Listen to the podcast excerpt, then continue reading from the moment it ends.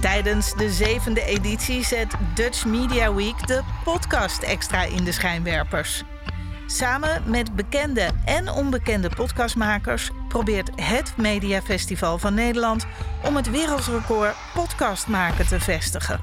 Als onderdeel daarvan stelt Dutch Media Week 2022 met grote trots aan u voor.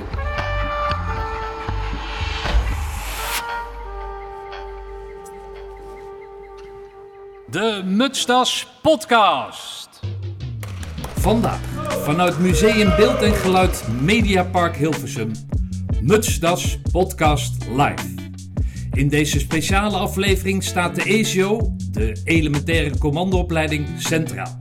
Ik, Stefan Mutsdas, ben jullie host. En vanavond bij mij aan tafel Ray Klaasens en zijn ECO-commandant van Weleer. Commandokapitein buitendienst Henk Heesakkers. Nou jongens, we hebben lekker gegeten bij de Gullegaaf in, uh, in Hilversum. Um, uh, vorige week is uh, het korps iemand ontvallen. En dat is Charlie Schuilenburg. En we gaan een plaat draaien die elke commando kent. En ter nagedachtenis zeker van Charlie.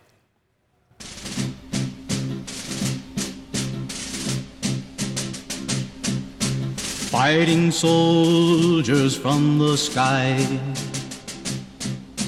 Fearless men who jump and die. Men who mean just what they say. The brave men of the Green Beret. Silver wings upon their chest. These are men America's best.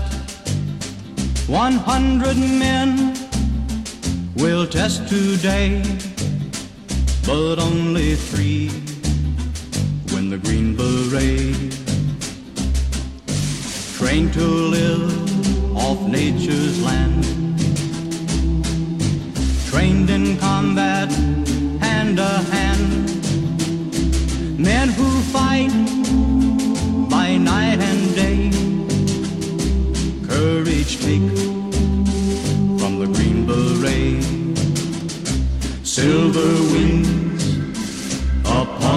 chest. These are men, America's best. 100 men will test today, but only three win the Green Beret. Nou, Ray, als je deze plaat hoort, wat denk je dan aan? Meteen kippenvel. Ja? Ja. Kippenvel in de zin van dat je dan teruggaat? Of het is, is dat elke keer als je die plaat hoort? Nee, het is gewoon dat je weet van... ehm, nou, nou kijk ik me heen. Al deze mensen die hier zitten. Maar ook de mensen waarvan we weten dat ze offers gelaten hebben... of in belangrijke operaties gestreden hebben... of dienstplichtig zijn geweest. Maar door de jaren heen, iedereen kent dit nummer. En dat betekent zoveel als ik ben gevormd. En ik, ben, ik heb het gered. En ik krijg zo meteen de groene baret. Oké. En jij, Henk? Ja, dit is eh, natuurlijk het moment dat, eh, dat je op de pijlplaats staat. En eh, dat heb ik natuurlijk al diverse keren meegemaakt. Maar voor mij is er ook een keer een eerste keer geweest. Dat ik zelf die bret kreeg uitgereikt. En dat, ja, dan krijg je toch wel een beetje een bok in je keel. Oké. En, en, en daar heb ik nog steeds, als ik het nummer hoor, dan ben ik toch wel een beetje, ja. Kan ik zeggen dat dat het mooiste moment van je, uit je leven is? Behalve dat je- toen je Mariette eh, leerde kennen, maar na dat moment? Ja, dat, dat, is, dat is een mooi moment. Het is, ik wil niet zeggen dat het het mooiste moment uit mijn leven is, maar dat, dat is wel een heel mooi moment, ja. Oké. Deze plaat wordt gedraaid als je na acht weken eh, in het veld gezeten hebt, de eh, elementaire commandoopleiding hebt gevolgd. Dan loop je door de tranenpoort heen. Dan zijn er veel afgevallen. Dan sta je inderdaad op die, eh, op die LPL-plaats en dan, eh, dan besef je bij het horen van dit nummer dat je, dat je het gehaald hebt. Wat, eh, in welk jaar haalde jij eh, Groene Bret? eh? 1978. Oké. Was dat een eh, zware ECO? Nee. Dat kun je, dat was volgens mij zo eerlijk. Kijk, Dat, dat, Eerlijk, dat, kun je ten eerste kun je dat zelf niet beoordelen. Want eh, je weet niet wat er, wat er allemaal voor en na jou afspeelt in, in, in commandoopleidingen. Dus, eh, maar ik, ik vind ook niet dat dat... eh, Dat vind ik ook helemaal niet belangrijk, ook niet. Een commandoopleiding is, eh, is, heeft een bepaalde zwaarte. En iedere vent ervaart het op zijn eigen manier. Oké. Als Ik heb jou eerder geïnterviewd en ik weet dat jij beroepsmilitair was toen. Dat je naar het korps ging en dat zo'n groene bret dan zeg maar de vervolmaking zou kunnen zijn van je militaire carrière tot op dat moment. Eh, was dat ook zo toen je hem eh, behaalde? Voelde je dan ook dat je iets gehaald had waar wel meerdere naar streven? Nou, dan, dan eh, door het halen van die goede bret hoor je bij het korps. En dat is toch iets geweest wat je, wat je graag wilde. Je wilde bij dat korps horen. Daar keek je, je keek naar dat korps, je keek er naar op. En dan neem je op een gegeven moment neem je het besluit om, eh, om, om te solliciteren bij het korps commandotroepen. En je wordt aangenomen. En je haalt dan die commandoopleiding. En dan, ja, dat, dat is dan de vervolmaking op dat moment. Dat is natuurlijk niet het einde van je carrière. Nee, natuurlijk niet. Hoe eh, is dat voor jou, eh Ray? Hoe is dat geweest? Jij eh, was officier eh, bij de genieën, toch? Ja, Bouwen, slopen. ja. Ja, ik was eh, 28, officier bij de genie. Ik, was, ik had twee eh, functies gedaan als pelotonscommandant. Eh, en ik wilde meer. Ik wilde er meer toe doen, denk ik, dat dat met name was. En ik dacht dat dat eh, bij het Korps Commandotroepen zo, zo zou zijn. En als militair is dat voor mij ook zeker zo eh, gebleken. Maar ik was wel een aardige vreemde eend in de bijt, ja. Want geen infanterist. Ehm, ik liep daar rond met een rode beret. Ik kwam van de luchtmobiele brigade af. En ik kreeg de kans eigenlijk om eh, de mensen met wie ik later zelf de ECO inging... om die eh, mee te, nou ja, een militair van te maken in de algemene militaire opleiding. Dus naast eigenlijk de instructeurs van Henk eh, kreeg ik een rol als instructeur. Eigenlijk wat een rol is voor een onderofficier. Maar ik voelde natuurlijk wel een beetje de druk van eh, het bekeken worden. En aan de andere kant dacht ik, nou, dat, dat is dan maar zo. Ik ga hier gewoon mijn stinkende best doen. En alles wat ik in me heb, ga ik laten zien. Ja. En dat heb ik ook gedaan. Dus toen de tijd kwamen de spijkerbroeken, zoals, zoals, Ja. we dat, of zoals jullie dat noemen, laat ik het zo zeggen. Eh, die komen uit de burgermaatschappij, die worden gevormd, marcheren, eh, salueren, gedoe, hè, om Ja. het zo maar te zeggen. En omdat jij dus al beroeps was, eh, mocht jij die kerels dat stukje van die de begin van basis van, militair zijn. Hè? Dus, dus bij wijze van spreken het leren eten uit de mest in tot aan marcheren en eh, nou, ook velddienst in Ja. de basis. En dat, eh, dat duurt dan een week of, eh, ik weet het niet eens, een week of twaalf denk ik. Acht. Acht weken, ja. En dan na de vooropleiding werd ik met hen zelf natuurlijk onderdeel van, eh, ja, ben je wel opleidbaar als commando? Laat dat maar eens zien. En dat was bij ons toen vier weken. Omdat die opleiding die duurde toen in één keer eh, veertien weken. Dat was een, overigens de laatste lichting dat het zo lang duurde. Eh, maar er zat gewoon wat andere programmering in. Ja, dat was het moment dat er door de korpsleiding gezien werd dat er te veel mensen afvielen. En toen hebben ze gekozen of, hè, als een soort test, 14 weken, waarin er dus eh, eh, nou ja, op meerdere manieren en meerdere vlakken anders eh, geacteerd werd.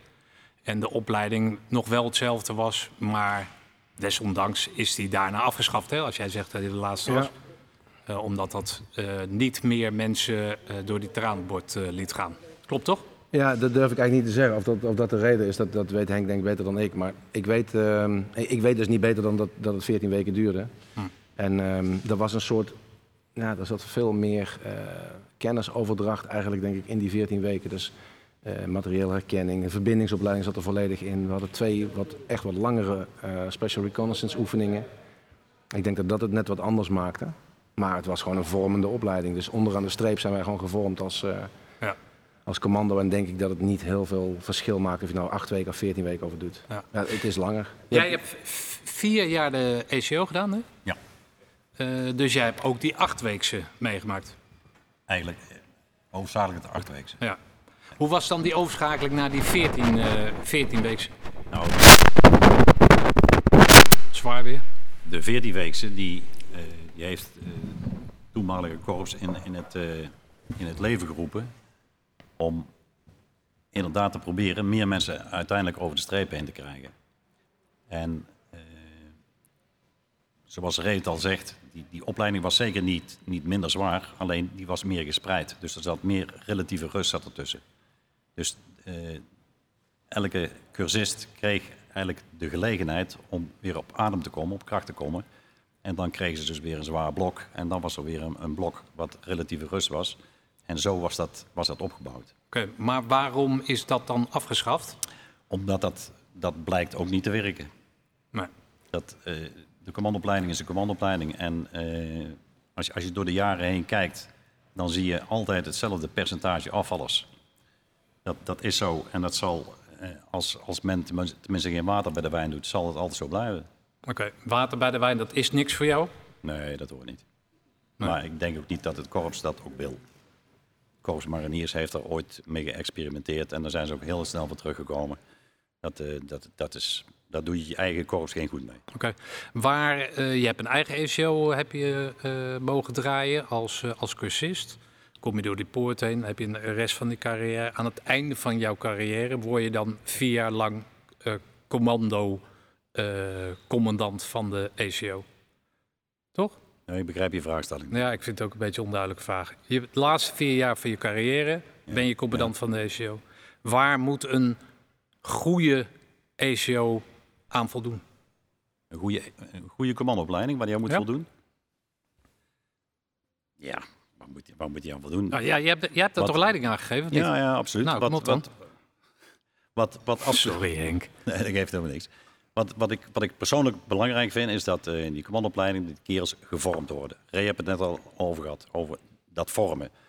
En dat vormen, dat, dat bestaat eh, niet alleen uit eh, een stuk fysiek, waarbij de vent fysiek op een hoger pijl wordt gebracht, maar dat bestaat voor, in mijn ogen het belangrijkste deel uit mentaliteit. De mentaliteit van die vent, die moet uiteindelijk moet die op een bepaald niveau komen. En dat doe je door tijdens die commandoopleiding die kerels mentaal te trainen. En dat eh, omgaan met teleurstellingen, om er maar eens één te noemen. Eh, Kun je daar eens een voorbeeld gaan geven? nou, Omgaan met teleurstellingen? nou, omgaan met teleurstellingen. Ik kan bijvoorbeeld eh, eh, voorstellen dat je de club wijsmaakt dat ze om vijf uur of om zes uur een warme hap krijgen. En die warme hap die komt er dan plotseling niet. Nou, dan moet je dus wel omgaan met teleurstellingen. Of je loopt een marstraining en die eindigt op het tentenkamp. Alleen dan wordt het tentenkamp wordt voorbijgelopen. Dat is omgaan met teleurstellingen. En dat is wel een stukje mentale vorming. Want hoe pakt zo'n vent, en dat is iedere vent voor zich, hoe pakt hij dat op? Kan hij daarmee omgaan, ja of nee? Oké. Als jij ziet, als jij zag dat iemand daar niet zo goed tegenkomt, ga je er dan extra op drukken? Of Nee. Nou, nou, misschien moet ik die gewoon beantwoorden hoe hij ermee omging. Want ik heb nog wel een leuke anekdote. Ik heb ze wel, eh, Henk. Kijk, ik, anekdote 1? eh, ik, ik, we moesten een keer eh, na een speedmars moesten we hindernisbaan Arnhem. Dus een, eh, nou, een iconische hindernisbaan bij Defensie. En die, die moesten we dan als team halen binnen een tijd. Ik ken die tijd niet meer. Maar de meesten haalden het niet. En eh, het teampje waar ik in zat had dan het geluk dat we die tijd hadden gehaald. Dus opgesteld, helemaal trots.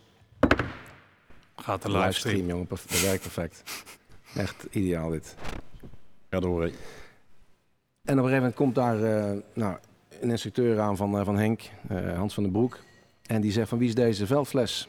Dus die was ik kennelijk onderweg verloren. Dus nou, ik- van me geen kwaad bewust, geen idee van wie die natuurlijk was. Uiteindelijk na een inspectie bleek dat die van mij was. Ja, godverdorie. Zo kan ik ook een hindernisbaan op tijd halen om de onderweg je spullen allemaal weg te flikkeren, weet je wel. Dus eh, nou, daar hadden ze een leuke oplossing voor. Ik mocht overal waar water in zat, dus de thermos en mijn literfles en mijn, mijn veldflessen en mijn, nou, enzovoort. Mocht ik vullen met grind. En eh, daar ben je sowieso even mee bezig, kan ik je vertellen. En daarna gingen we een hindersbaan lopen, maar ik woog een kilootje of eh 7, 8 zwaarder dan de rest. En dat was, eh, een, hinders, of dat was een speedmars eh, met onbekende afstand. En Henk die fietste er achteraan. En op dat moment was eigenlijk net de Twin Towers, er waren net de vliegtuigen ingevlogen. Dus eh, ik kreeg eigenlijk fijntjes in mijn oor gefluisterd van... eh, als dit het is wat jij op de mat legt, dan hoeft de Taliban zich niet, geen zorgen te maken. Dat, was, dat is dus deze man, hè? Ja, oké.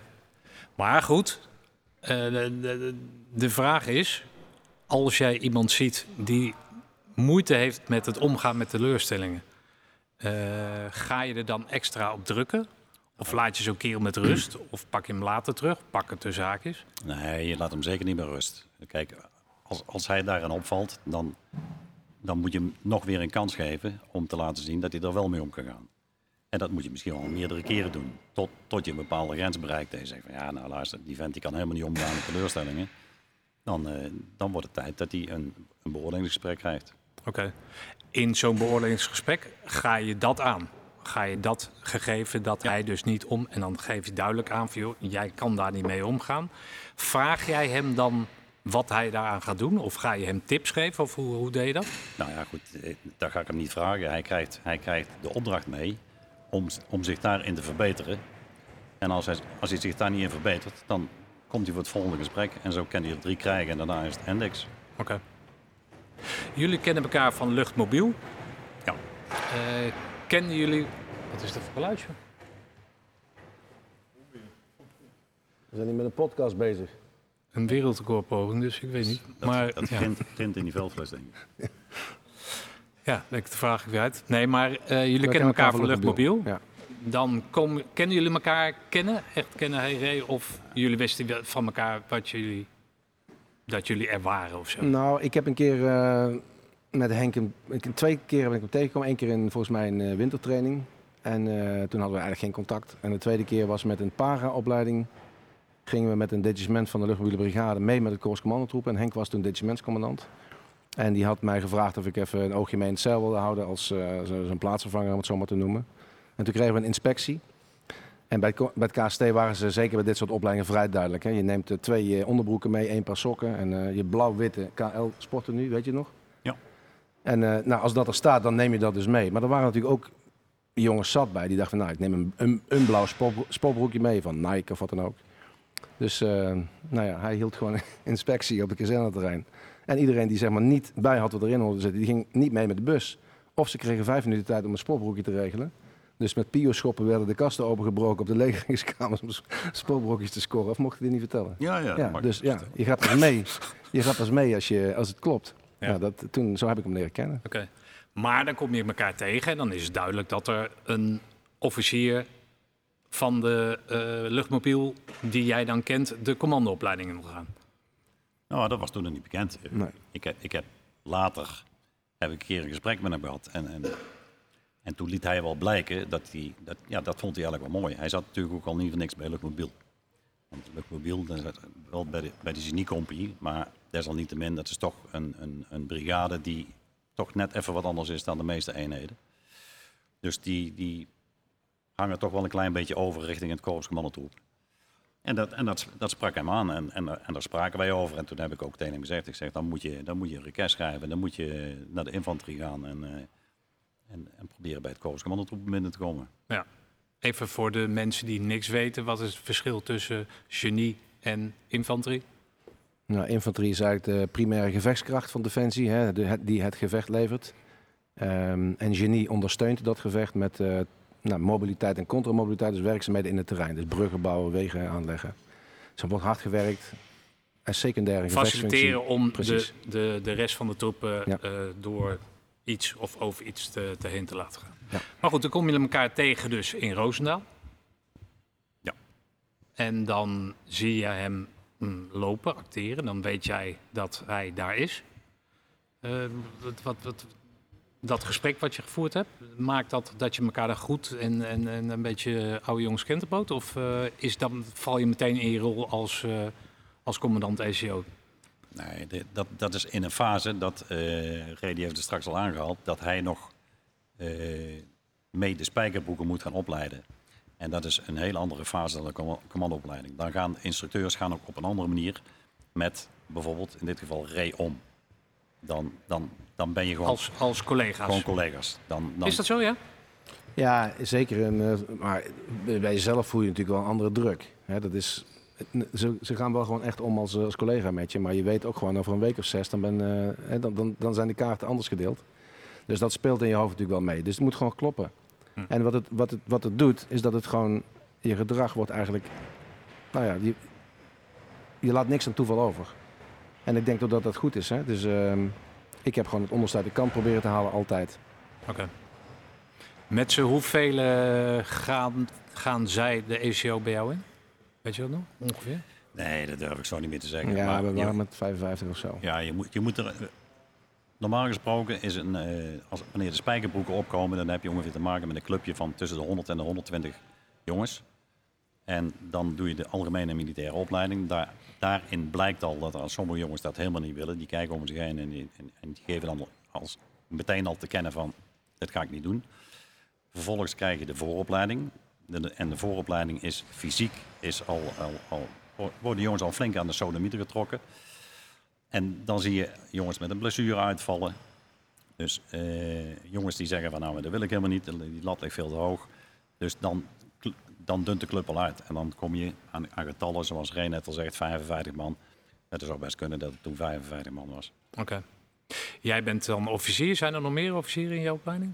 Zeker. Maar wij zijn met heel veel officieren begonnen. Uiteindelijk met drie eh, binnengekomen. Waaronder Gijs Tuinman. Eh, ridder eh, natuurlijk. Ja. Ehm, die was toen ook de jongste. En eh, eh, Maarten. Is inmiddels eh, overste. Oké. Ja.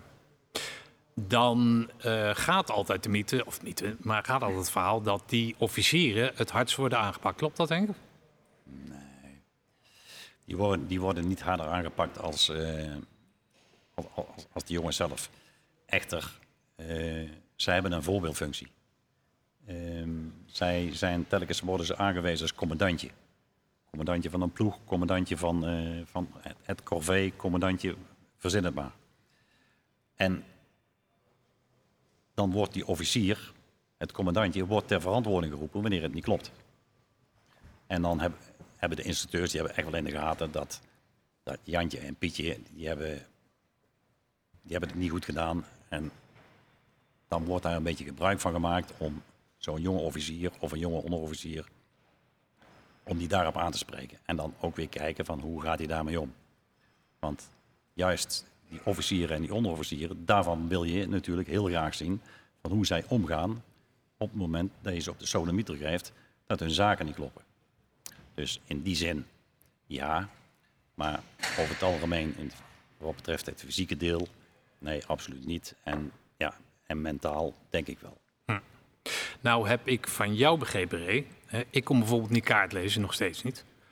Ehm, maar ik vond het altijd, het leek mij het makkelijkst, hè, of, of het moeilijkst eigenlijk. Degene die voorop liep en bijvoorbeeld de kaart moest lezen. Jij hebt mij verteld, nou dat is helemaal niet het moeilijkst. Dat is eigenlijk het makkelijkst. Omdat je continu gefocust bent, continu geconcentreerd bent. Als jij fout loopt, dan denk je na twee seconden... oh kut, ik loop fout, we gaan weer terug. En die kerels achteraan, ik dus, die moeten alleen maar volgen. En alleen maar denken de hele tijd van... nou ja, dat zelfvertrouwen dat gaat steeds meer naar beneden. En het vertrouwen in de leider, de man met de kaart op, eh, op kop... die wordt ook steeds minder. Dus je hebt het als zeg maar, degene die niet in de, in de regie staat... heb je het zwaarder dan degene voorop. Ja, Onderschrijf je dat nog steeds? Zeker, want kijk, ook zoiets, we hadden het net over officieren. Ik denk dat het, of je nou wel of geen verantwoording af moet leggen, of meer of minder druk hebt, of minder slaapt. Uiteindelijk, als je een verantwoordelijkheid hebt, wordt het makkelijker als je het goed doet. Want je bent de hele tijd bezig en vooral niet met eh, hoe lang duurt het nog, maar is het geregeld. Dus er is gewoon geen lijden in je kop van eh, wat een ellende, wat nee, het moet gewoon kloppen. En als je dat ook nog eens een keer, en dat geluk hadden wij met z'n met drieën, en, en ook de onderofficieren overigens, dat over te brengen op die club, dan gaat het gewoon draaien.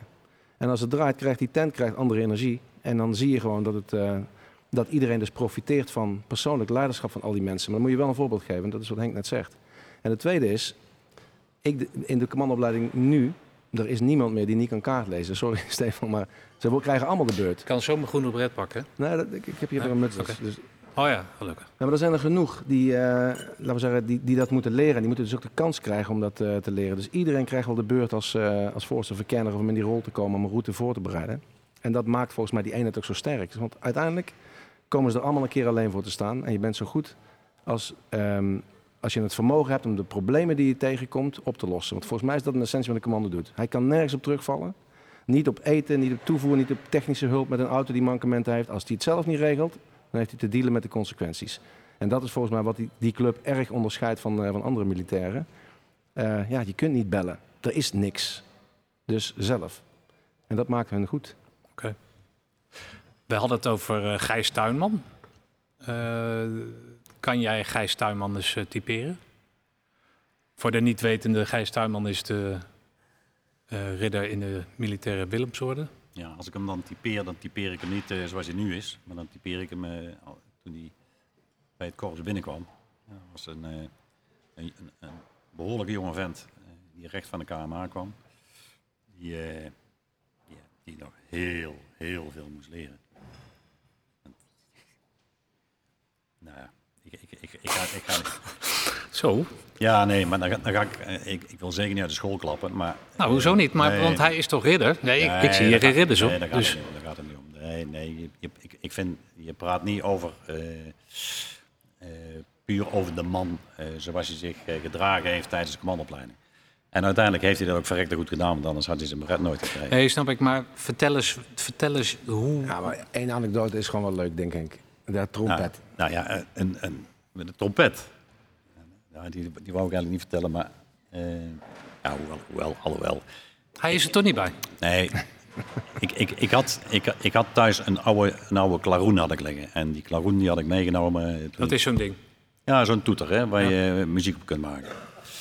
Tenminste, als je het goed doet, komt er muziek uit. En dat ding had ik meegenomen naar een tentenkamp toen ik commandant eh, commandoopleiding werd. En ik denk, ja, s morgens om acht uur dan, dan gaan we de vlag hijsen. Dan eh, staat de com- commandoopleiding staat aangetreden. Eh, geef acht, brengt goed, we kennen het allemaal.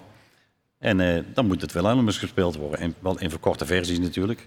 Ja, de kans dat, dat je in zo'n klein clubje, dat daar iemand bij zit die dat toevallig ook nog kan, dat is wel heel toevallig natuurlijk. Dus, dus dat was eigenlijk nooit.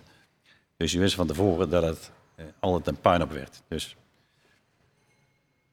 er krijgt iemand, en in dit geval was hij dat, krijgt die klapoen uitgereikt en die gaat aan de zijkant, eh, moet je zich opstellen naast de vlag.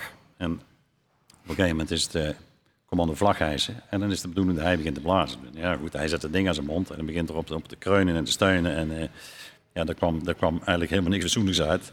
Dan staat de hele commandoleiding, die staat...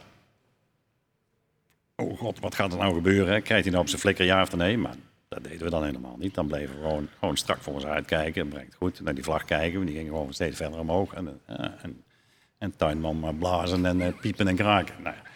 Nou, goed. En dan doe je net of dat, dat, helemaal, dat het gewoon helemaal correct is. En weer op een ander moment, dan pak je hem apart en dan geef je gewoon zijn sodemieter dat er nog steeds geen vooruitgang in zit. Want hij blijft acht weken lang, acht weken lang blijft hij dus gewoon die toeter blijft hij ons beheer houden. En elke keer als we appel hebben en de vlag gaat omhoog of naar beneden, dan, eh, dan was hij de klos. Het voordeel, of het nadeel voor hem eigenlijk. Gijs was een van de fitste van, eh, van onze opleiding. Die, eh, die liep het hardste. En nou, op een gegeven moment moest hij dus gaan oefenen. Dus hij moest natuurlijk, dat, dat, dat lied dat klonk nergens naar. Dus toen hadden ze meegenomen naar de onverhaalde vijfsprong. Dat is een kilometer of anderhalf ver weg. En dan hoorden wij, dus als we wakker werden, hoorden Dat was een beetje het niveau van Gijs Tuinman. Maar fit was hij, dus die kwam, eh, nou ja, Oké. Ik vind Gijs, als ik hem Gijs moet noemen, vind ik een hele hyper-intelligente kerel. Waar, waarvan ik denk, van, nou, die durf ik nog niet in de podcast te... hè, want dat, dat ga ik niet redden. Dat, ga ik niet, dat trek ik niet. Wat? Ik denk, het wel. Ja? Ja, die is zo intelligent. Die, die lult van links naar rechts. En eh, jij bent links en hij is alweer rechts. Maar goed, maakt verder niet uit. Maar kon jij, heb jij ooit kunnen bevroeden dat hij in dat leiderschap binnen die strijd die hij daar gevoerd heeft, achter jij hem in staat om ooit ridder te worden? Nee, natuurlijk niet. Daar denk ik toch helemaal niet over na. Nee, maar goed, achteraf gezien. Nee, ik kreeg Zag jij moment- dingen dat je denkt van, nou, ja, nou, nu ik het zo zie, weet je wel? Ja, dat, dat, ik, dat zie je op zo'n moment zie je dat nog niet. En, en laten we eerlijk zijn, zo'n kerel die, die ontwikkelt zich ook op een bepaalde manier. Die ontwikkelt zich tijdens de commandoopleiding, daarna in de voortzettende commandoopleiding, daarna in missies. Die, die ontwikkelt zich. En dit is eruit voortgekomen. En eh, vergeet niet, het meest belangrijke heeft hij zelf gedaan. Dat, dat geldt voor elke jongen in de commandoopleiding. Maar uiteindelijk, de instructeurs die, die, die reiken van alles en nog wat aan. Maar uiteindelijk, iedere vent moet het helemaal zelf doen. En ook Gijs Tuinman heeft dit zelf gedaan. Ja. En Stond heeft jij ervan te kijken, Ray, dat hij zeg maar met zijn... ah, ik vind hem heel creatief in denken en doen. Dus ik kan me zo voorstellen dat dat hele creatieve in die... Ik heb geen idee hoe dat werkt, maar in die oorlog... dat dat je dan heel goed van pas kan komen. Ja, dat is ook gebleken. Ja. En Gijs is een super sociale kerel en eh, hartstikke gedreven. En, ja, goed, wat Henk zegt, toen was hij de jongste officier. En ik weet nog, toen ik zelf net begon als pelotonscommandant, ja, dan snap je natuurlijk nergens helemaal geen ene reet van. Eh, in, in die zin hadden wij het stuk makkelijker, omdat we gewoon al eh, vier jaar leiding gegeven hadden. We wisten een beetje hoe dat werkte met kaderleden en in zijn opleiding. En Van Gijs die kwam net van de KMA af, dus ik heb echt eh, gigantisch respect voor hoe hij dat gedaan heeft. En, ehm, en die heeft zich, nou het is precies wat Henk zegt, heeft hij daarna ontwikkeld en dat heeft hij allemaal zelf gedaan. En ik sta er niet van te kijken dat hij zo- zo'n, wat is een enorm dappere, moedige kerel. Ja, ik vind die, die, hoe heet dat? die foto van hem, daar staat hij met die hele lange, Antenne. Nee, die hele lange jongen naast met dat hele Ja. grote geweer. Dat is de jongen die gesneuveld is. Ja, ja, ja. ja. Prachtige foto. Ja. ja. hey, luister eens. Instructeur zijn, dat ben jij ook geweest, hè? Gewoon als, als eh, eh, onderofficier. Waar moet een goede instructeur eh, aan voldoen? Ik denk dat het allerbelangrijkste van een instructeur is dat het goede voorbeeld geeft. Dat is, dat is hartstikke belangrijk. Als je geen goed voorbeeld geeft, dan, dan, dan, dan volgt er ook alleen maar een rommeltje. En eh, tijdens de commandoopleiding, als je het daarover hebt, dan eh, moet een goede instructeur, die moet eh, naast een goed instructeur zijn, moet hij ook nog beschikken over een stuk hum- humor. Er moet humor in zitten. Een commandoopleiding die moet je smeuïg maken. Die moet, kerels die moeten, ondanks het feit dat ze, dat ze op een tandvlees lopen, moeten ze af en toe gewoon een keer kunnen lachen om, om alle flauwekul die met, met ze uitgehaald wordt. Want er wordt ook inderdaad flauwekul met ze uitgehaald. En die flauwekul die is hartstikke functioneel. Want het gaat erom dat eh, als, je, als je kerels helemaal de grond in trapt, dan moet je ze er ook, uit, moet je er ook uithalen. Dan moet je ook zorgen dat ze, dat ze erom kunnen lachen. En eh, met geintjes maak je een heleboel dingen maak je goed. Oké. Heb jij daar wat over te zeggen? Of ik er wat over te zeggen heb. Over, nee, over een goed instructeur zijn. Ja. Als je zo naar de kloten bent en dat je dan lacht en haal je daar dan, put je daar dan een beetje moed uit of eh Nou, kijk, ik, ik vind het gewoon belangrijk dat als je in een rol komt waarin je dus eigenlijk eh, van mensen iets mag vinden, wat een instructeur mag doen, dat hij gewoon heel goed begrijpt hoe kwetsbaar eigenlijk degene is met wie die werkt. En die doet zijn best en eh, het is aan jou om te zorgen dat de beste versie van die kerel eruit komt. En dat hoeft niet lief, hè, dat is helemaal niet wat ik hiermee bedoel. Maar ehm, soms moet je inderdaad instructie geven, soms moet je coachen eh, en soms moet je eh, corrigeren en soms moet je belonen. En eh, dan moet je van goede huizen komen als je bij jezelf iedere keer kijkt van wat doet het eigenlijk bij mij dat ik hierover ga. Die verantwoordelijkheid, ja, dat, eh daar moet je, en dat is, daar ben je ook met elkaar voor, daar heb je natuurlijk een commandant voor. Ja, je moet dat gewoon scherp houden. En ik geloof dat, dat er soms mensen het veld hebben moeten ruimen bij wie dat niet gebeurd is. Eh, en net zo goed als het wel eens gebeurt dat er mensen doorgaan waarvan je denkt, nou, dat weten we niet zeker. Oké. Als jij Rezo op tv ziet, als hij het dan heeft over instructeurschap en hoe je dat doet en eh, weet ik veel wat. Wat, wat, wat, wat gaat er dan door je heen als je hem daar zo ziet? Met de Koningsbrug bedoel je? Ja? Ja, ik, ik zie hem dan een klein beetje in de rol van eh commandant commandopleidingen. Maar dan op, op een andere manier met, met, eh, met, met mensen die het slechts een week doen. Maar, maar het heeft wel wat weg. Hij geeft, hij geeft eh, leiding aan, eh, aan een aantal instructeurs. En spreekt personen aan op hun, op hun vorderingen of op hun tekortkomingen. Dus, dus ja, dat zit wel een klein beetje, heeft wel raakvlakken, denk ik. Kijk jij het? Ja, ik, ik kijk zeker. En dan? Oh, oh. Lekker genieten met een biertje op de bank en dan Nee, maar ga je dan tegen Marielle zeggen, jezus, nou dat, dat... Kijk die reden joh. Nee, ik, Kijk dan, ik, kijk dan, moet eens kijken wat hij nee, doet. ik, heb, ik, ik Kijk heb, ik heb af en toe wel zo van, eh, wat verdorie, die meiden, die meiden die erin zitten, zo van, eh, en dan eh, meneer Klaassen, weet je wel, zo van, ja, nee, die, die griet die moet het halen, hè. Dat denk ik dan, hè, terwijl ik met mijn biertje op de bank zit. Ja, Dat is typisch, dan denk ik van de typische reden, die zorgt wat in die meiden er doorheen komen. Oké. Dat meen, dat meen je niet, hoor. Nee, natuurlijk. Ik wil zeggen. Hoe ben jij daar, eh, even over de kamp van Koningsbrugge. Hoe ben jij daar eigenlijk bij gekomen? Ja, dit was in het begin van de coronatijd. En dit verzoek is volgens mij gewoon bij Defensie terechtgekomen. Van kunnen jullie dit programma ondersteunen? Die hebben toen door allerlei protocollen nee eh, gezegd of moeten zeggen. En eh, toen zijn we eigenlijk aangereikt als partij die dit mogelijk wel, die ervoor open stond. En dan, eh, krijg Het kwam dat- bij het korps binnen. Ja, volgens mij wel, ja. Ik weet het niet precies, maar ik was daar niet in eerste instantie bij betrokken. Maar volgens mij ging dat zo. En daarna moet je wat, eh, nou, een gesprek voeren, een filmpje maken, een keer praten van, kun je dat wel, past dat? Maar wat dacht jij voor de eerste keer toen je dat hoorde en je keek in de spiegel? Dacht jij van, nou, dan moeten ze mij hebben. Nou, nee, die- niet dat. Maar ik wist wel dat ik dat zou kunnen. En dit, Waarom, waarom dacht je dat dan? nou, omdat ik omdat we de afspraak maken van... Kijk, we- er gebeurt wat er gebeurt. En jullie mogen dat met de camera vastleggen. Dus we zijn niet aan het acteren. Ik kan mezelf zijn. Ik denk dat ik weet... ehm, nou ja, ik doe het op mijn eigen manier. Maar ehm, ik vind het mooi om gedrag van mensen te spiegelen. En ik ga niks zeggen over dat jij niet goed bent of, of dat je het wel goed bent. Maar wel over dat gedrag. En jij wil kennelijk zelf laten zien of je je kunt meten met die korpsstandaard. Ja, daar durf ik wel wat van te vinden. En niet dat ik dat nou per se zelf zo goed weet, want ik heb heel veel contact gehad in die tijd met de Bart de Graaf. Ehm, die hebben een hele duidelijke communicatielijn, weten precies. Wie is Bart Graaf? Bart de Graaf is eh hoofdwerving en selectie die tijd ehm, en communicatie van het KCT. Oh, Major Bart. Ja, Ja, ja. oké. Dus die gaven eh, duidelijk te kennen van nou, dit is wat het korps nu is. Ik was, ik was al een poosje weg. En Dus ik had ook niet de arrogantie om te denken van weet je, ik weet dit allemaal wel. Maar ik weet wel dat als ik met mensen aan de slag ga, dat ik, dat ik nou, dat ik, dat durfde ik wel, laat ik het zo zeggen. Daar was ik niet benauwd voor, nee. Heb je Henk nog gebeld bijvoorbeeld toen? Nee, Henk niet. Eh, ik heb wel eh, een van de instructeurs van Henk toen gebeld, eh Cor, Cor van de Krieken.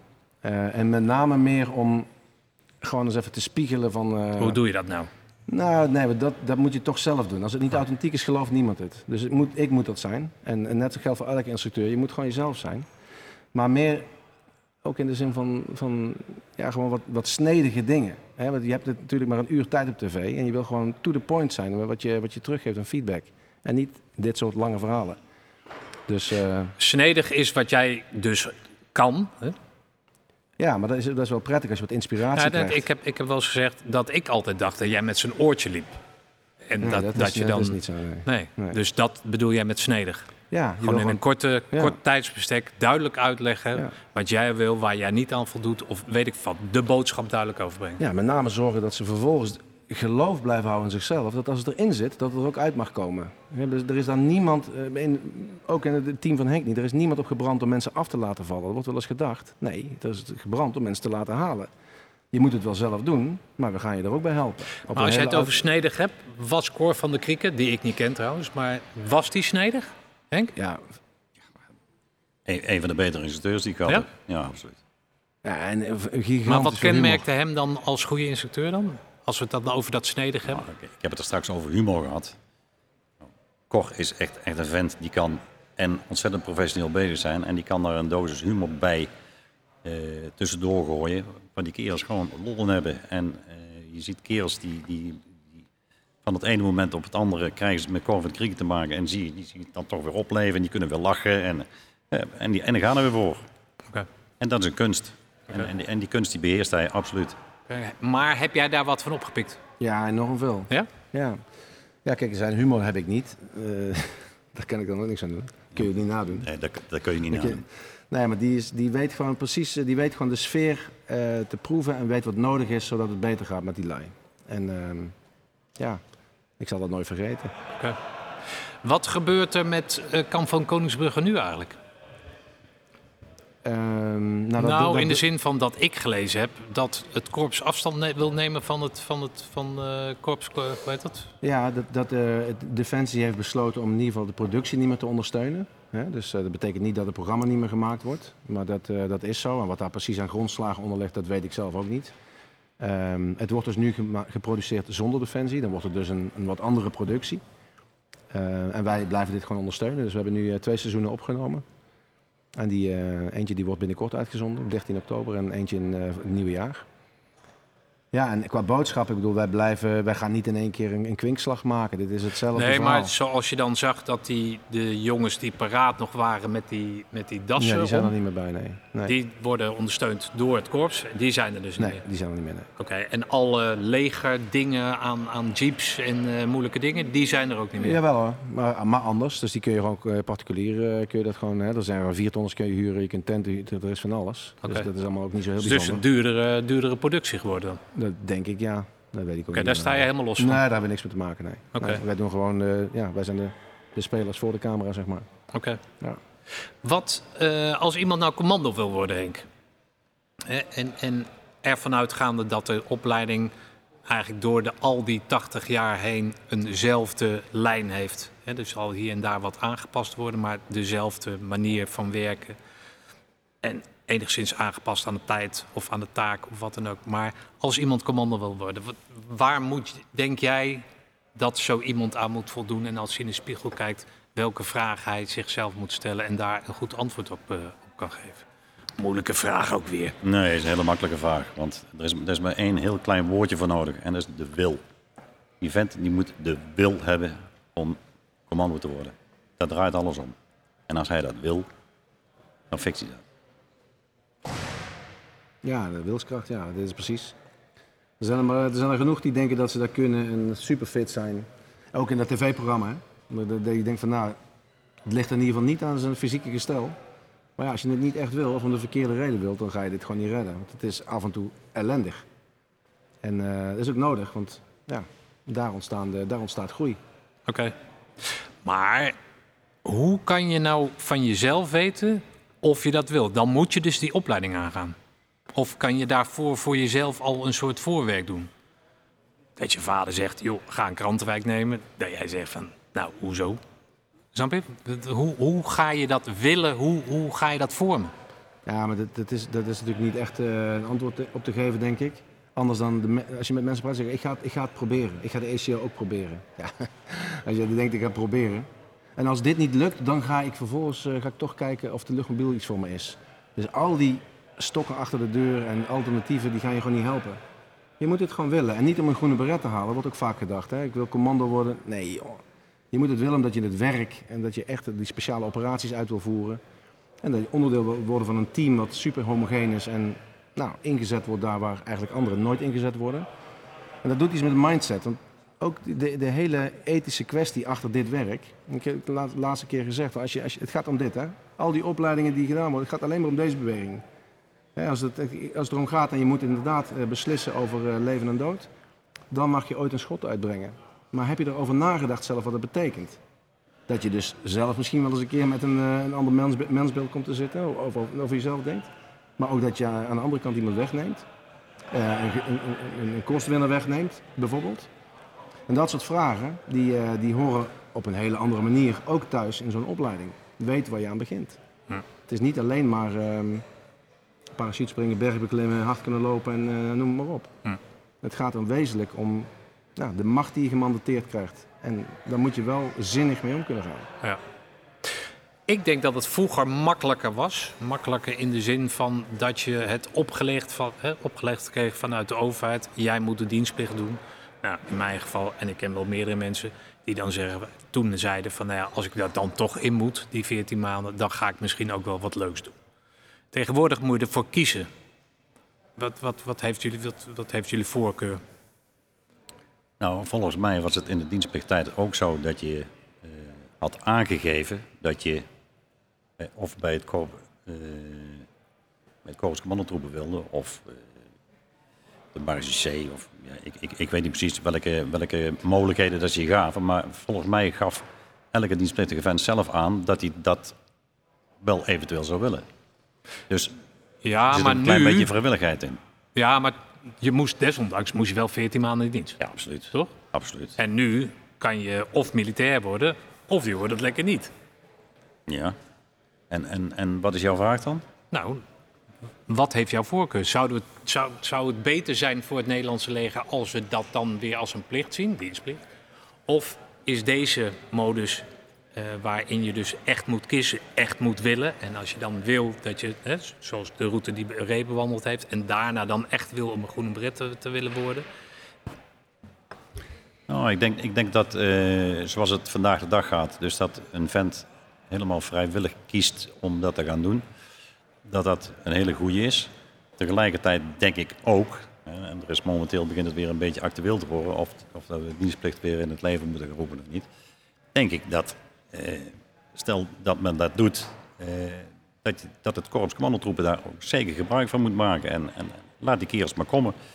En eh, al- als, als zo'n vent dan van de 100, als er dan 20 zijn die, die daar goed doorheen komen, en die kanonopleiding gaan volgen. En je houdt er daar weer vijf aan over. Heb je toch weer vijf goede, goede kandidaten binnen. En die worden dan misschien wel weer eh, de beroeps, zoals ze dan tegenwoordig heten. Nee, is ook, wel- Dus, dus ja, ik, denk, ik denk dat je het zonder meer niet weg moet gooien.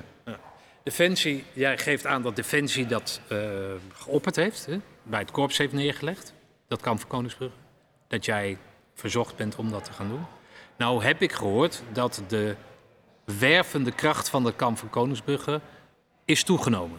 Kan je daar eens wat over vertellen? Ja, dat heb ik ook gehoord. Ja. Dus dat, dat is defensiebreed. Hè? Dus eh, er zijn veel meer aanmeldingen bij de VEVA, de Veiligheid en Vakmanschapopleiding, eh, binnen de ROCA. Eh, de landmacht geeft aan dat er meer aanmeldingen komen. Ook bij het KST hebben ze dat gezien. Alleen daar is het toch vaak dat het niet echt converteert. Dus er zijn er wel genoeg die denken, nou dat lijkt me wel wat. Maar daar zit weinig eh, bruikbaars eh, met respect tussen. Ehm, maar het is zeker, het, helpt wel met de reputatie van, eh, van de organisatie. We geven volgens mij goed aan daar wat het militaire vak eigenlijk is. Je moet een vuurtje maken, dat moet elke militair kunnen. Kaart lezen moet elke militair kunnen. Ehm, dus, en we moeten ook goed begrijpen dat deze 15 lui die meedoen, dat zijn geen militairen. Dus die stellen zich ook heel kwetsbaar op. Hè? staat in één keer met, een- met, met een kaart en een bos en een kompas en je hebt dat nog nooit gedaan. Dat doet ook iets met je als mens. Kijk, bij het KCT, mensen die daar de commandoopleiding ingaan, dat zijn allemaal al goede militairen. En echt hele goede als ze de vooropleiding gedaan hebben. Die zijn tot in de puntjes opgeleid om de militaire disciplines eigenlijk te beheersen. Dus als die in de commandoopleiding gaan, dan, dan, dan, kunnen ze dat allemaal al goed. En dat is wel een verschil met, eh, met dit soort lui. Maar het heeft zeker de reputatie van Defensie goed gegaan. Ik zie het ook in de reacties die op social media binnenkomen. Mensen die ooit commando zijn geweest of militair, die eh, ja, eigenlijk een soort walk down eh, memory lane. Hm. Dus heel veel, nou ja, gewoon ook eigen beleving. Mensen die gevechtscursus of panzerstorm gedaan hebben, die kennen die sfeer. Die kennen de, de humor erachter, die zien de onderdelen terugkomen, die zien zo'n baan aan hem eh, terugkomen. Die, die, die, die zeggen, dat heb ik ook gedaan. En dat gaat natuurlijk op de bank zo. Hey, schat, dat heb ik ook gedaan. Maar heb je, was het zo zwaar bij jullie? Ja, dat was bij ons nog veel zwaarder. Dat zegt, dat zegt Henk natuurlijk tegen Mariette. Dat weet ik zeker. Dat Ja, heb ik gedaan. Dat weet ik, zal nooit zeggen. Arnhem. Och jongens. Och jongens in mijn tijd. Hey, luister eens. Die, eh, hoe heet dat? Dat kamp van Koningsbrugge. Wat voor mensen melden... Ik heb me ook aangemeld, hè. Maar wat voor mensen melden zich daar nou eigenlijk voor aan? Dat, zijn, dat, is, dat, is dus, dat vind ik dus het mooie van dit programma. Kijk, de mensen die zich aanmelden, die, die hebben allemaal een beleving van het Korps. Het Korps wordt gezien als hiërarchiek. Digitale lui, weet je, het is zwart of het is wit. Eh, mensen die gewoon moeilijk eh, communiceren. Eh, maar uiteindelijk alleen maar be- be- bevel is bevel. Nou, wij weten als geen ander, als het iets niet is, is dat het. Het is een, eigenlijk een hele sociale omgeving, waar je erg goed naar elkaar omgekeken wordt. Maar ja, waar ook heel hard gewerkt wordt. En die dingen, dat is niet de perceptie van de deelnemers. Die denken, ik moet hard kunnen lopen. En ik, moet, ik word de hele dag een beetje afgezeken en er wordt tegen, van alles tegen me aangemekkerd. Ja, dat is niet zo. Dus die lui die hard kunnen lopen, ja, die redden het één of twee onderdelen. Maar die hebben niet de mindset om dat ook te doen als we dus een keer s'nachts wakker maken. Of als er geen eten in zit. Of als het een keer goed hard regent. En al helemaal niet als ze nog eens een keer zinnige dingen moeten doen als de druk toeneemt. Dus als je, als je gewoon echt flinke druk op een club mensen zet en je vraagt gewoon bouw eens een, eh, bouw vlot. Dat is niet het allermoeilijkste. Maar dan zie je dat die lui gewoon eigenlijk gewoon van elkaar weinig kunnen hebben. En dat wil je filteren. Je wil gewoon dat gedrag van wat, wat hier eigenlijk niet past, dat wil je eruit halen. Eh, op een manier dat ze er zelf ook achter komen van ja, inderdaad, ik ben veel te veel met mezelf bezig. En eh, dat grotere doel waar jullie het iedere keer over hebben, dat zal me allemaal gestolen worden. Dus, eh, en die gaan er dan uit. Ja, oké. maar jij, ben jij betrokken bij de casting? Of hoe noem je dat? Nee, nee. Dat, nee. Dus wat er wel gebeurt, dus dat ben ik niet zelf overigens, maar dat is een collega. Die doet zeg maar de fysieke testen van zijn die lui ook wel belastbaar. Dus als jij eh, vorige week een eh, drievoudige, eh, nou, vorige maand een drievoudige breuk hebt gehad, dan moet je dat gewoon niet doen. Kun je wel opgeven, maar dan wil je wel even zien of iemand dan, ja, laten we zeggen, een uurtje flink kan sporten. Oké, maar het blijft amusement. Hè? Ja, er wordt Dus natuurlijk van die, vijf, gekeken. van die 15 moeten er toch ook een paar gekjes tussen zitten, toch? Of Ja maar, ja, maar je gaat natuurlijk wel kijken naar profielen. Ik snap tv heel goed. Eh, je wil wat te vertellen hebben. En we hebben nu komt er een seizoen aan met bekende Nederlanders. We hebben bekendere Nederlanders, want zelf ken ik er ik eigenlijk ken ze ook helemaal niet. Maar wat het, wat het mooie is, en dat vind ik dat dat eh, een beetje, er wordt best wel wat gemekkerd over, eh, moet dat nou weer met bekende Nederlanders? Maar die mensen die zijn zo gewend om, ehm, om zichzelf uit te drukken. Dus als je die interviewt naar een gigantisch zware opdracht, dan krijg je een andere soort reflectie. Dus die kan goed vertellen, wat deed het dit met me? Terwijl een normale burger, die, "Yo, ik ben helemaal kapot. En daar stopt het ongeveer bij. Ja, die wil natuurlijk wel even kijken van, maar wat maakt nou dat je wel doorging of dat je niet doorging? Dan heb je wat voer om aan de bak te gaan. En dat ging eigenlijk heel goed bij deze, bij deze mensen. Dus voor ons was dat super mooi om mee te werken. Jullie hebben dan, of jullie, de productie heeft gekozen voor, zoals je het noemt, meer bekende Nederlanders. Ja, Eh, maar daar zitten dan vooral gericht op jongere mensen dan. Er zaten wat YouTubers bij en Ook, mensen. Ja, nee, maar de, de, de, de oudste, volgens mij de oudste dame, is de coach van het vrouwenelftal van Ajax. Dus eh, die heeft een, nou, Oh, die Daphne Koster of zo. ja, Oh, oké. Ja. Ik wist niet dat hij mee deed. ja. En zij ehm, is, ik weet het niet precies, maar volgens mij is ze al 40, of misschien zelfs wel in de 40. Ehm, en de jongste, weet ik niet, maar die zal ergens begin 20 zijn geweest. Oké. Ja, dus dat verandert niet, dat scheelt niet veel. oké. Zien jullie elkaar nog wel eens? Behalve reunie? eh, de- bij reunie. Ik zie hem regelmatig op tv. Oké. Nou, op de reunie, eh, goed Ja. lam. goed. Ja, ik heb nog een foto. Je had een heel mooi shirt aan. Zo'n heel kleurig, eh, kleurig shirt had je aan. ja, vond je mooi? Ja, vond ik mooi. Ik heb er maar een zwart-wit eh, foto Heeft van gemaakt. Mariette eh, vermaakt is. Oké. Ja, nee. Maar goed, daartussendoor niet. Het blijft toch... En vanwege de leeftijd misschien... De app gehad en, Ja, Ja? we zijn wel een keer van plan geweest om eh, even een keer bij elkaar te komen. Met, Ja. Samen met Cor erbij en zo. Maar dat, dat is nog steeds niet... dat moet nog steeds gebeuren. Oké. Ik weet, omdat ik jou geïnterviewd heb, dat jij een eh afscheidsfeest wilde houden als je met pensioen ging. Eh, en dat hebben die jongens in die vier jaar dat je die commandoopleiding hebben gedaan, die jongens hebben dat feest georganiseerd voor jou. Kan jij daar eens wat over vertellen en daarna mag Reden wat over vertellen? Nou ja, waar, waar ik van droomde als, als ik eh, met FLO zou gaan, hè, met functioneel leeftijdsomslag. Dat we dan een, eh, met, met, met die gasten allemaal een eh, Asterix en Obelix fe- feest eh, zouden houden. De, de geliefde literatuur bij mij, Asterix en Obelix boekjes. Dus ja, ik, ik, ik, ik, ik, vond, ik vond het altijd geweldig, die, die boekjes. En ik, ik zag er dan ook helemaal voor me. Maar dan had ik wel graag Asterix willen zijn. Want? Nou, dat, ja. Oh, die snor en zo. Ja, Bedoel je ja, dat? Dat is toch ook de held in dat boekje, of niet? Nee, wat, wat doen die, die konijnenkoppen? Die maken mij Caesar. Ja, dat, dat, dat, dat wil natuurlijk geen mens. Maar goed, vandaar dat die foto die jij eh, ook al zo ergens gepubliceerd hebt... Ja, daar, daar, staat het huilen mij erbij, ja. ja dat klopt. Hey, ik- ben niet snel van dingen niet vertellen, maar ik ga nu een aantal dingen in ieder geval niet vertellen. Want wat er op dat feestje daar gebeurd is, als we daar filmpjes van laten zien, dan kunnen we wel inpakken, denk ik. Dus eh, ja, dat weet ik zeker. Maar dat was een mooi feest. Een mooi feest. Ja.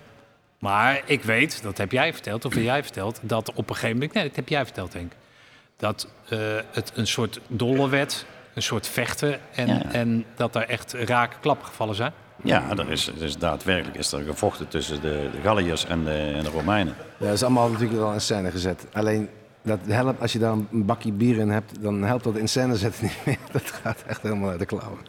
Maar dat moet je voorstellen, we hadden eh, ooit een keer in de cursistenavond bij ons hadden we een, eh, een, een, een, zo- zo- zo'n zo'n wei waar paarden in staan, die zet je onder stroom. En dat is een behoorlijke uh, opflikker krijg je dan van dat apparaat.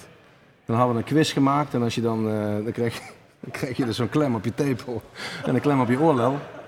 En eh, als je het antwoord goed had, dan gebeurde er niks. Alleen ja, degene die erover ging, dat waren we natuurlijk zelf. Dus eh er ging af en toe wel eens een flinke stroom doorheen.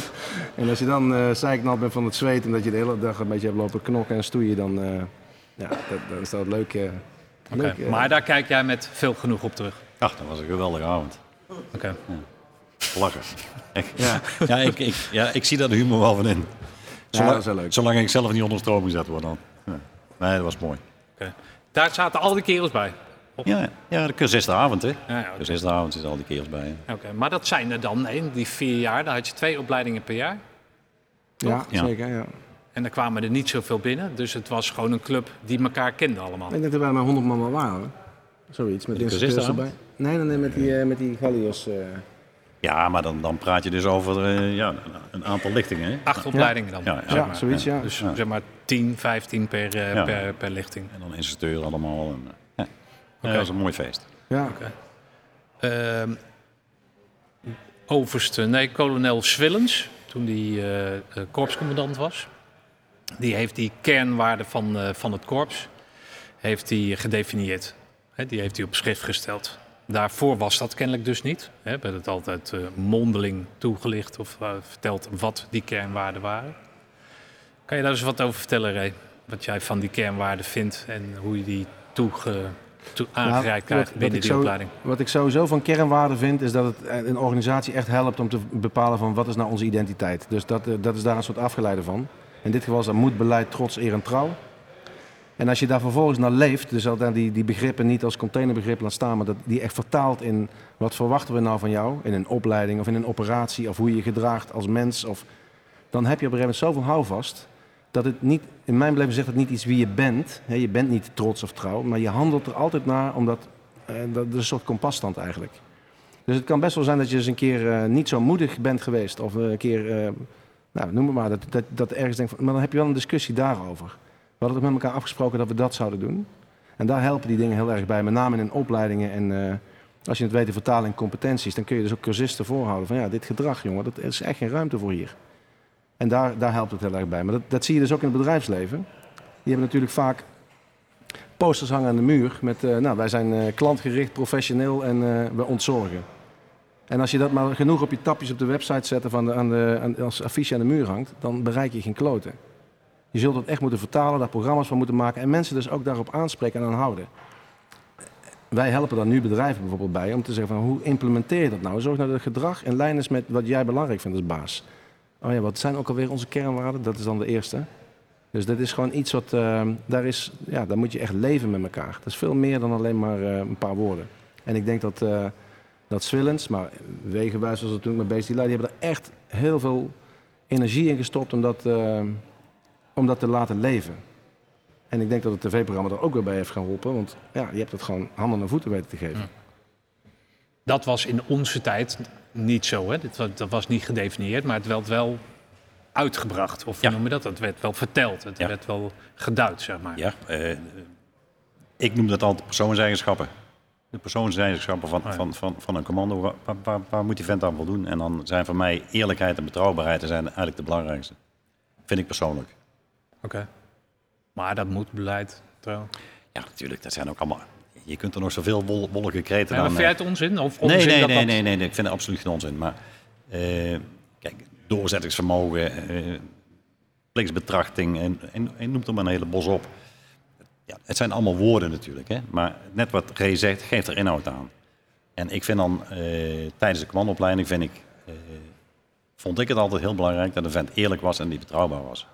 En als ik ook maar enigszins merkte dat een vent stond te liegen, en, ja, dan was hij de klos.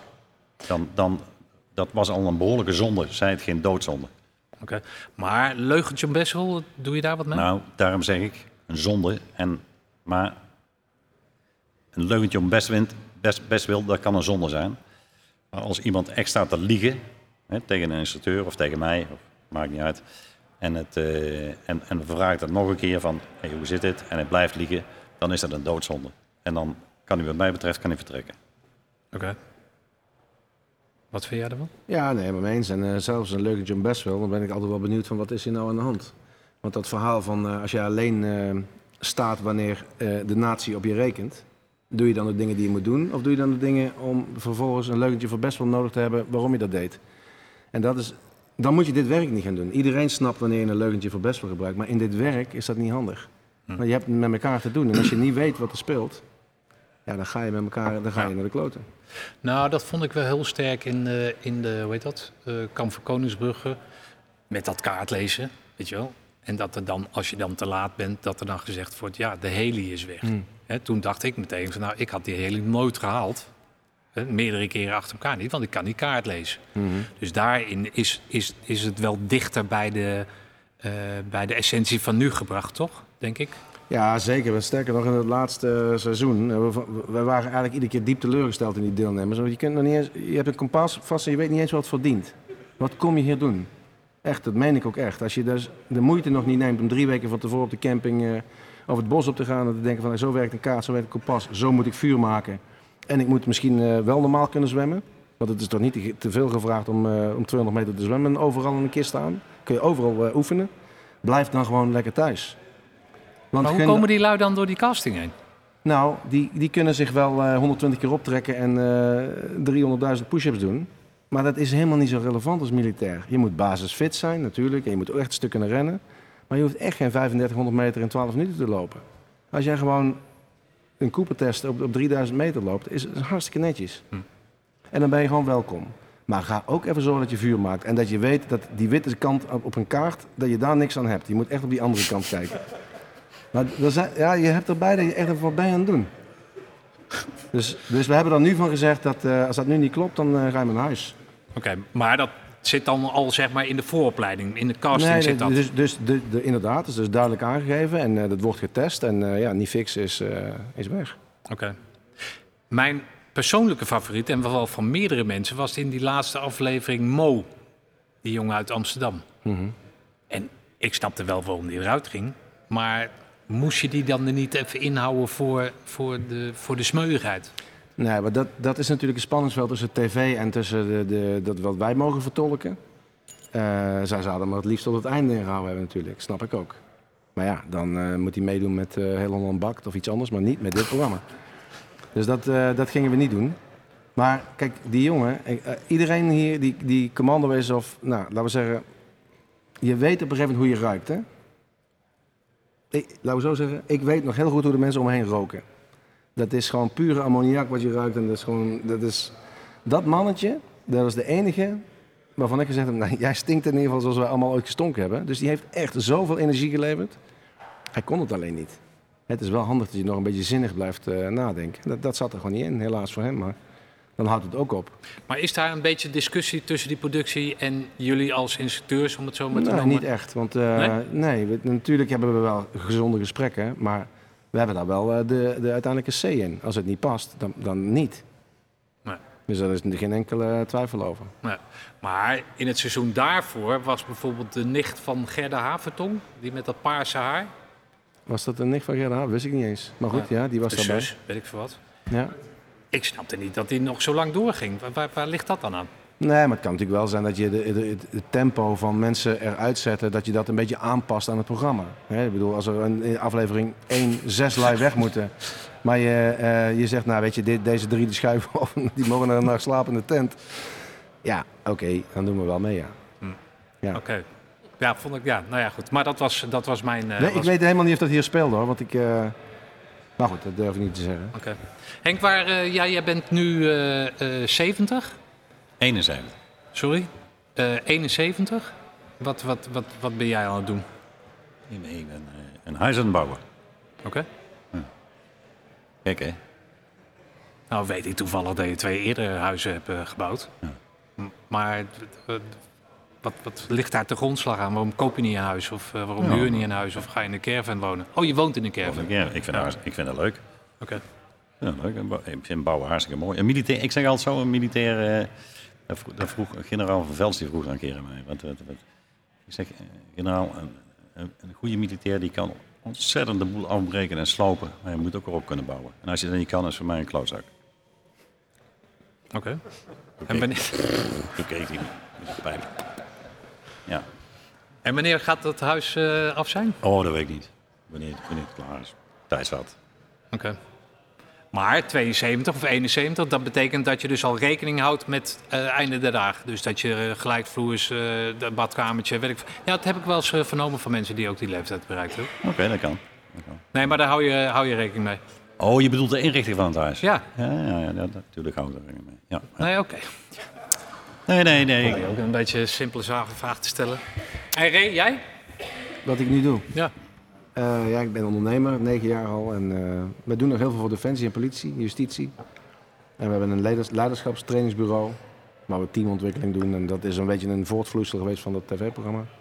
En we hebben een bureau eh, wat advies geeft eh, eh, op basis van informatie. Eh, in het Midden-Oosten, Noord-Afrika met name, maar ook op andere plekken. En steeds meer in Nederland. Dus eh, gaat hartstikke goed. Wat is dat? Dat laatste? Het is allemaal, het bedrijf heet de Triangular Group en daarbinnen hebben we drie poten. En dit is Triangular Group Intelligence, TGI. Ehm, ja, wij bedienen dus... Inlichtingenwerk. Ja, Oké. Dus als ik een bedrijf heb, ik word bestolen of, of kunnen, ik zit in een bepaalde markt waar te veel concurrentie is op een, op een, op Nou, maar een bijvoorbeeld een heel, een heel mooi, eh, wat nu heel actueel is, ondermijning in Nederland. Dus eh, zware criminaliteit die steeds meer eh, om zich heen grijpt en dus ja, kans ziet om de maatschappij eigenlijk te, te verzwakken. Daar is inlichtingen, is soms daar een belangrijk product van. Of je dat nou doet in opleiden en trainen of dat je echt, nou ja, uitlegt en zo zit het. Dat kan dus. Eh, dan helpt dat door het bestuur bijvoorbeeld, of, eh, of de politie, of eh, opsporingsinstanties, of de douane, of de havens. En die huren jullie in. Ja, onder andere ons, ja. Ja. En waar haal jij je mensen vandaan dan? Dat zijn vaak mensen die uit het netwerk komen, dus dat is rondvragen. We zoeken iemand bijvoorbeeld met kennis van nou, een bepaalde taal, of die, die heel goed is in een bepaalde... In, in cyber bijvoorbeeld is nu een, een, een groot ding. Ehm, of voormalig journalisten, die ook eh, gewoon heel goed weten om... eh, nou, hoe, hoe richt je nou een interview goed in en hoe vind je nou naar waar je naar op zoek bent. Of mensen van, eh, van inlichtingendiensten, van de politie. En dan helpt zo'n kamp van Koningsbrug en die bekendheid die je daarmee hebt gevraagd, helpt dan ook wel. Een beetje, omdat ze Nou misschien ja, kennen. mensen willen zich toch graag bij jou aansluiten? Nou, dat, dat weet ik niet of dat zo werkt. Ehm, dat denk ik eigenlijk niet. niet. Want daarom komen ze niet. Wij gaan eigenlijk meestal naar die mensen toe. Je kunt niet echt solliciteren bij ons of zo. Dat hebben we wel eens een keer gehad, maar niet heel veel. Dus eh, het is gewoon ja, vanuit one handshake away. Dus eh, jij kent iemand en dan moet je een keer met hem gaan praten. En zo groeit dat dan. Ja, oké. En bij, bij Defensie doen we natuurlijk helemaal op die manier. Is eigenlijk wel heel slim, hè? Of niet? Het is super slim. Ja. Nee, maar ik probeer het wel eens uit te leggen wat jij doet. En dan lees je dus de berichtgeving over Defensie, die geen personeel kunnen krijgen. En, en, en, onderbetaald zijn, op missie moeten, gezinnen hebben. eh, nou, noem het hele klusje maar op. En jullie nemen die mensen in dienst, hè, of als ZZP'er. Je betaalt ze beter dan bij Defensie en je verhuurt ze weer terug aan Defensie. Ja, maar dat, dat is natuurlijk voor een deel klopt dit. Hè? Maar wat er eigenlijk echt aan de hand is, is dat ehm, als, als er iemand Defensie verlaat, dan is dat voor de P-organisatie, de personeelsdienst, is dat geen oplossing meer, want jij is weg. En wij zeggen, dit is juist je 100% oplossing. Je moet alleen kijken van wat heeft hij nodig om dan weer te werken. En dan is het niet zoals die weggaat dat hij dan bij ons aan de bak komt. Dan moet minimaal een jaar weg zijn. Maar ja, wij vinden dus een concept waarop hij een stuk bij de politie bezig is, een stuk bij Defensie. Dat hij meer eh, vrijheid van handelen heeft, dat hij bij zijn gezin kan zijn. Veel flexibiliteit, afwisseling, dat, dat soort dingen. En het belangrijkste is dat we hem identiteit geven. Dus wij hebben niet, je komt niet alleen maar bij ons werken. Je bent ook echt onderdeel van, eh, nou ja, een beetje van die gemeenschap. Dus ja, daar doen we veel aan. Dus dat Ja. kost ook een boel poen. Maar dat helpt wel. Ze blijven allemaal gelukkig. En we proberen er heel goed voor te zijn. En niet alleen door beter te betalen of zo, want dat, dat is echt geen oplossing. Hey, eh, jullie kennen elkaar van de reunie, hè? Vertel je net. Ja, met de reunie hebben we elkaar ontmoet, ja. Klopt. Vijf jaar terug was er ook een reunie, toen op de, op de kazerne. En daar Ja. vertelde jij Ja. Een heel mooi verhaal wat daar toen gebeurde. Kan je dat, dus, eh, kan je dat nog eens een keer vertellen? Ja, in het, in het kort, ehm, nou goed, zoals dat dan gaat. Je loopt toen de kazerne op. En, eh, normaal gesproken ben je bij de klimtoren binnen een half uur. Dan heb iedereen wel een handje gegeven, maar nu duurde dat eh, echt eh, uren. En dat waren toch veelal verhalen van jongens die gewoon echt slecht hadden. Dus mensen die nou, s'nachts niet sliepen of thuisproblemen hadden met kinderen of, of agressie of allemaal opgekropte frustraties eigenlijk. Die een gevolg waren van eh, nou, de uitzenddruk en ook de missies die eh, in Oeruzgan en, en, en misschien ook wel in Mali geweest zijn. En ehm, nou, daar hebben we toen van gevonden om daar iets voor te doen. En dan hebben we een stichting opgericht. Dat doe je denk ik op Commando Family Foundation. En eh, daar helpen we eigenlijk ja, helpen we dus de commando, maar ook zijn familie mee. En ook de, de logistiek en ook de marinier die daar onder de vlag van het Korps Commandotroep heeft gediend. En dat doen we nu vijf jaar, het is inderdaad vijf jaar geleden. En als ik zie wat we daar hebben kunnen doen voor die mensen, dan, eh, ja, dan is dat heel mooi om dat terug Ja. te geven. En dat bedoel ik ook met die gelaagdheid. Het gaat, ja, we, we, we leveren dienstverlening aan Defensie, maar daarnaast proberen we dus ook iets, eh, iets terug te doen. En dat doen we allemaal weer met oud-collega's. Dus eh, de voorzitter is de voormalig plaatsvervangend korpscommandant, Sven de Bruin. Onder van Boven zit erin, Erik Wegenwijs, Leo Royakkers, dat is bekende natuurlijk, die, die vervult een belangrijke rol. Aart Vervucht. Eh, nu hebben we een deelnemer van de Kamp van Koningsbrugge, Marjolein, het eerste. Nou, dat is een super toffe eh, meid. Die heeft twee eh, grote campagnes opgericht. Die heeft daar, nou, ik weet niet hoeveel, maar 12, 13.000 euro mee opgehaald. En die eh, vervult nu eigenlijk een soort van eh, ja, dagelijks bestuur. Ja, en, en heel veel vrijwilligers eromheen die nog, eh, die nog van alles doen Ja. voor ons. Dus even samenvattend, jij zegt, Onno en ik je vriend, je maat, je, je compagnon lopen de kazerne op. Meestal zijn we binnen een half uur, epic, alles goed, eh, weet ik wat. En in die laatste reunie, of ene laatste reunie, word je dus aangeklampt door mensen die een stukje openheid geven. Jij hebt mij verteld dat, dat die commando eh, een nieuwe stijl, om het zo maar te zeggen, eh, gekenmerkt wordt, vooral wordt door die zelfstandigheid die erbij Ja. wordt gebracht. Maar ook die houding van, joh, maak je geen zorgen om mij, ik regel het wel.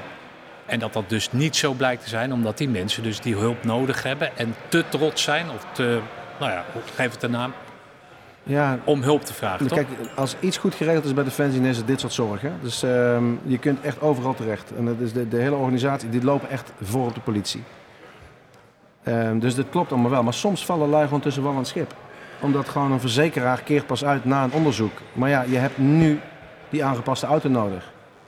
En als je dat soort verhalen maar vaak genoeg hoort, dan denk je, ja, maar hoe makkelijk is het niet om dit gewoon even te regelen? Dus je richt een stichting op, je zorgt ervoor dat je casuïstiek binnenhaalt en je zorgt ervoor dat, er, dat je mensen bereid vindt om geld te doneren.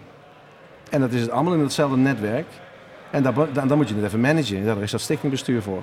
Dus heel moeilijk is het niet. Maar het doet wel echt gigantisch veel voor het vertrouwen van ook die, die jongens en hun familie in de organisatie. Als je ziet dat de, de weeffoutjes die een systeem altijd heeft, want er kan niemand wat aan doen, hè? Maar dat het wel opgelost wordt. En eh ja, corporaal, eh, we hebben laatst een jongen, een corporaal van, eh, van de ondersteuningscompie. Die moest een kindje, eh, die woonde in Zeeland, die moest een kindje naar eh, Ronald, nee hoe zeg je dat? Die werd geopereerd in Leeuwarden dacht ik, of in Groningen. Die kon daar niet naartoe, want hij kon dat met zijn salaris dat, dat Ronald McDonald huis niet betalen. Ja, dag. Up, één keer met de pet rond. En zij kunnen gewoon bij een gezin zijn. En dat, dat herstelt, nou ja, het gezin herstelt er beter van. Het kindje heeft in ieder geval het idee van eh, mijn ouders zijn erbij. Maar ook die vent is vervolgens weer sneller inzetbaar. Hij heeft niet al die rand shit eromheen die, je- die je gewoon kunt krijgen als, eh, als gezin. Nou, zo, zo, zo zijn er wel 20, Oké. 30 eh, voorbeelden te noemen.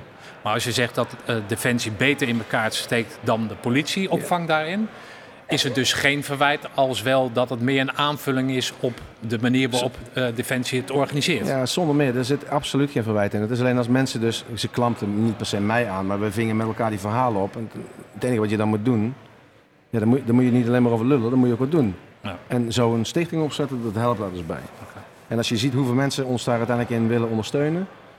Ja, dit doen wij echt niet alleen. Het enige wat we doen is zorgen dat we het eh, formeel maken, dat we een bankrekening mogen hebben en eh, dat het notarieel allemaal klopt. Dus dat dan, dat dan wel. En, eh, en we organiseren een, een heleboel, hè, van de bokstoernooi tot een grote veiling op het tentenkamp. Ja, er wordt echt gul gegeven. En daar kunnen we dus ook een boel mee doen. Nou, mooi. We, weet dat, aan het einde kan iedereen met Ray, Henk en mij op de foto. niet met mij. Maar in ieder geval ehm, nee, niet. Eh, de- Henk, de hoogste bieden die met Henk op de foto wil. Maar eh er kan gedoneerd worden. Eh, dat hoeft niet. Hè. Als je een foto maakt, hoef je niet te doneren. Maar je kan ook altijd Het naar mag, de... wel, het mag wel. Het mag wel. ja, Het mag nee, wel, dat zeg maar. wel. Jij zei toch dat ik wil er niet zo op zitten, weet ik wat. Als laatste, want we hebben nog, ik denk, een minuutje of 5 à 10. Wil ik jullie alle twee, en dan zal ik het ook even vertellen, zal ik mee afschieten, wat, wat de waarde van de beret is. Voor jullie, voor mij.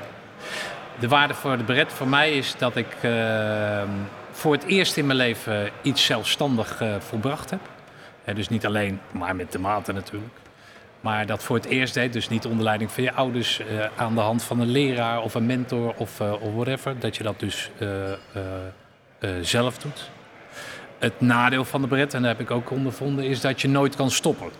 Dat je nooit, als andere mensen zeggen, joh, stop er nou mee, want het heeft helemaal geen zin meer. Dat je altijd denkt van, eh, stoppen, hoezo stoppen? Nou, ik zal jou eens laten zien dat het stoppen, dat het dat niet waard is, want ik ga er een succes van maken.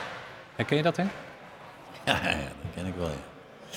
Ja, ik heb net gezegd dat ik, eh, dat, ik, dat ik weer eens een keer een huis aan het bouwen ben. Ja, Ja, en er zijn er geen mensen in mijn omgeving en die zeggen van, man, stop ermee man, ga genieten. Ik vind, ik vind dat leuk. Ik vind dat mooi. Maar het heeft geen nadelen. Het kent geen nadelen. Natuurlijk heeft het geen nadelen. En, eh, en wat, ik, wat ik als commando geleerd heb, is om door te zetten. En dat moet je met een huis bouwen, moet je dat ook. Vandaag is het leuk en morgen dan zit het allemaal tegen en is het helemaal niet leuk. En dan moet je toch doorgaan. Oké. En, eh, Maar wees je specifieker over de waarde van de bret. Zit het hem dat alleen in de bouw of heb je dat ook met nee, andere natuurlijk dingen? niet. Ja, nee, ook met andere dingen. Ja. En, en, en, dan, en dan kom je, dan, dan, dat heeft allemaal raakvlakken met die persoonseigenschappen waar ik het straks over had. En dus doorzettingsvermogen is er dan één van. Maar er zijn er nog wel meer bij. Want het gaat ook om, om zorgvuldigheid. Het gaat ook om betrouwbaarheid, eerlijkheid. Dat, dat zijn de dingen waar je... eh, dat, zo ben je gevormd en zo ga je verder door het leven. Tenminste, dat, zo ervaar ik dat. Jij, Ray, als eh, laatste. Vlammend Ja, over die beret. Nou ja, kijk, ik heb het dus meegenomen. Kijk, die beret is één, hè, maar ik vind, en Henk, jij kent het natuurlijk als geen ander. Wat is dat? Kijk, wat is dat? Ja, mutsdas en een tokkel, hè. Iedereen die een beret eh, uiteindelijk op mag zetten, die heeft uiteindelijk eh, een week of acht, in mijn geval veertien, onder deze dingen gelopen. Zo ruikt dat dan. En vormen, dit is voor mij vorming. Dus alles wat je daarna doet, een soort oneindig spel. Dit is waar je het laten zien van dat, dat hout ben ik gesneden. Die beret is eigenlijk natuurlijk gewoon een beloning daarvoor. En daarna wordt er wel gezegd, adel verplicht. Hè? Je moet je, je stand voor commando altijd eh, hoog houden. En nou, vorming is dit. En het andere is een soort van beloning. En daar moet je trots op zijn, dat mag ook. En dat is eigenlijk het, het iconische stuk. Maar voor mij is de waarde zit echt in dit stukje. Ik heb hier 14 weken met deze man eh, mogen werken. Of hij mogen werken, maar in elk geval hij heeft me in ieder geval heel veel dingen geleerd. En dit is namelijk wat sinds 1942 gedragen is door iedereen. Dit is de, ehm, en of je nou Gijs Steinman heet, of Marco Kroon heet, of dat je Kevin van der Rijt heet. Of eh, de generaal eh Swillens inmiddels. Ze hebben allemaal deze dingen gedragen. En iedereen weet wat het voelt als je na het einde die beret op mag zetten. En voor mij is dit eigenlijk belangrijker dan die beret. Dat is eh, zoals ik er naar kijk. Applaus. Ook. Ja, eens. Nou, mooi gezegd. Nou, dames en heren, dat, eh, dat was het. Zijn er nog, eh, want ik word niet gestopt. Zijn er nog, eh, zijn er nog vragen? Prangende vragen? Moet je even opstaan en even Zullen iets harder stemmen? Huh? Zullen we een lied zingen? Of gaan we met z'n allen een lied zingen? Wat, welk lied dan? Het commandolied. Ah, oké. Gra- Grapje. Maar ik weet de fles leeg. Is er nog een vraag? Geen vraag? Nou jongens, laat mij nou niet zo in mij hem staan. Zullen we dan het lied zingen? Dat was een grap, hè? Wel ik een maak, grap. Ik maak de fles open. Oké. Nou, start de tune. En dan, eh dan naaien we hem eruit. Dankjewel. En eh, luister elke week naar een eh, groen, nieuw groen levensverhaal in de Mutstas podcast. Stichting Jouwverhaal.nl. Dankjewel. Dankjewel.